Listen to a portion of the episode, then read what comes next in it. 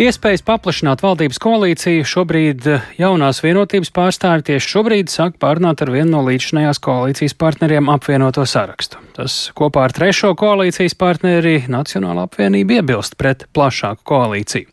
Neoficiāli partija prognozē, ka ātri, eh, partija pārstāvi prognozē, ka ātri risinājumi šai situācijai nebūs un politiskais process var ievilkties vismaz uz mēnesi. Tiesa, esošie koalīcijas partneri sola atbalstu šai valdībai ceturtdien saimā gaidāmajā divu opozīcijas partiju ierosinātajā neusticības balsojumā. Sarunu noslēgumu valdības mājā šodien sagaidīs kolēģis Jānis Kīncis. Viņš arī šobrīd mums ir pievienojies tiešraidē. Saka, Jāni, cik tālu līdz šodienai, tad vēl līdz sarunu, sarunām, kuru beigas mēs tagad gaidām, ir pavirzījušās partiju apspriedas par iespējamo valdības paplašināšanu?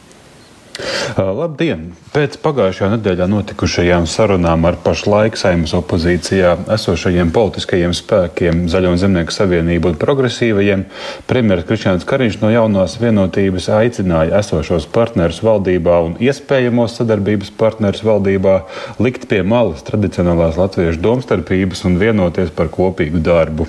Un, uh, aiz šī cēlā mudinājuma ir aicinājums vienoties par valdības paplašināšanu tātad jaunajai vienotībai, Zaļo un Zemnieku savienībai, apvienotajam sarakstam, Nacionālajai apvienībai un partijai progresīviem.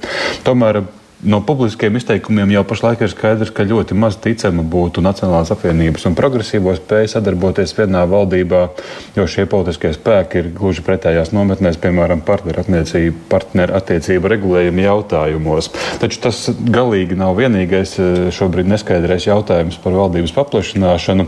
Un pašlaik saglabājas apvienotā sarakstu Nacionālās apvienības tātad kopīga nostāja pret izmaiņām valdības sastāvā.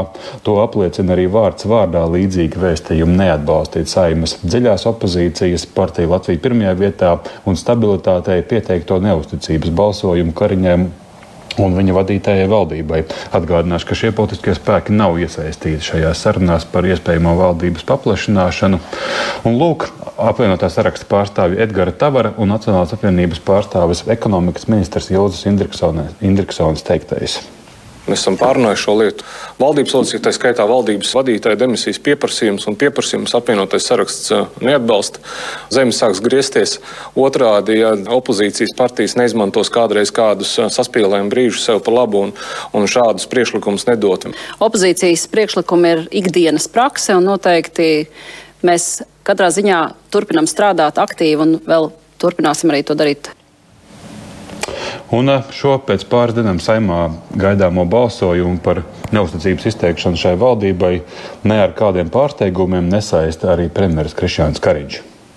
Manuprāt, nav tas, ka šī koalīcija un šī valdība jebkādā veidā nespētu strādāt. Tikai tas, ka es gribētu piesaistīt papildus spēkus no daļa opozīcijas, lai mēs varētu straujāk un efektīvāk savu darbu veikt. Grūti saredzēt, kāds pārsteigums eh, būtu gaidāms.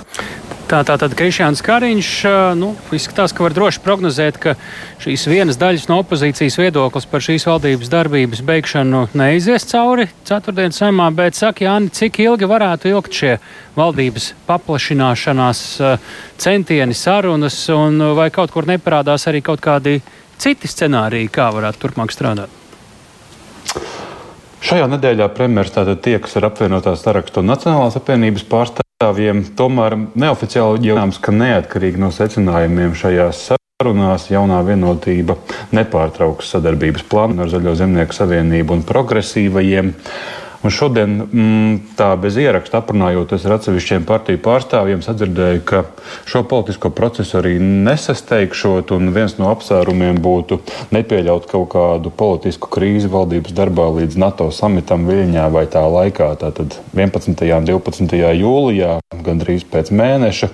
Tas vienkārši būtu tāds slikts signāls. Un vienlaikus norāda uz valdības sarunu nesteidzināšanu intervijā Raidījumā Krustpunktā pagājušajā nedēļā sniedz arī esošais valsts prezidents Egils Levits, kura pilnvaras amatā beigsies 8. jūlijā, un pretēji iepriekš paustajam Levits izteicās, ka valdības krīzes gadījumā viņš nevēlētos nosaukt citu premjeru, eh, jauno premjeru kandidātu un to atstātu nākamā valsts prezidenta Edgara Rinkēviča rokās.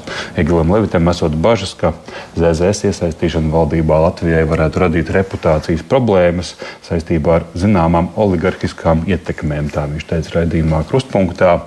Noslēgumā piebildīšu, ka kādas skaidrākas vēstījumi no premjera un jaunās vienotības puses par turpmāko valdības darbu varētu būt sagaidāmi ceturtdien pēc sarunas ar Nacionālo apvienību. Tomēr vispirms sagaidīsim arī šīs pēcpusdienas sanāksmes noslēgumu. Tā saistībā ar valdības sēdes no, iekavēšanos šķiet nedaudz arī sāksies vēlāk šajā pēcpusdienā. Tāli.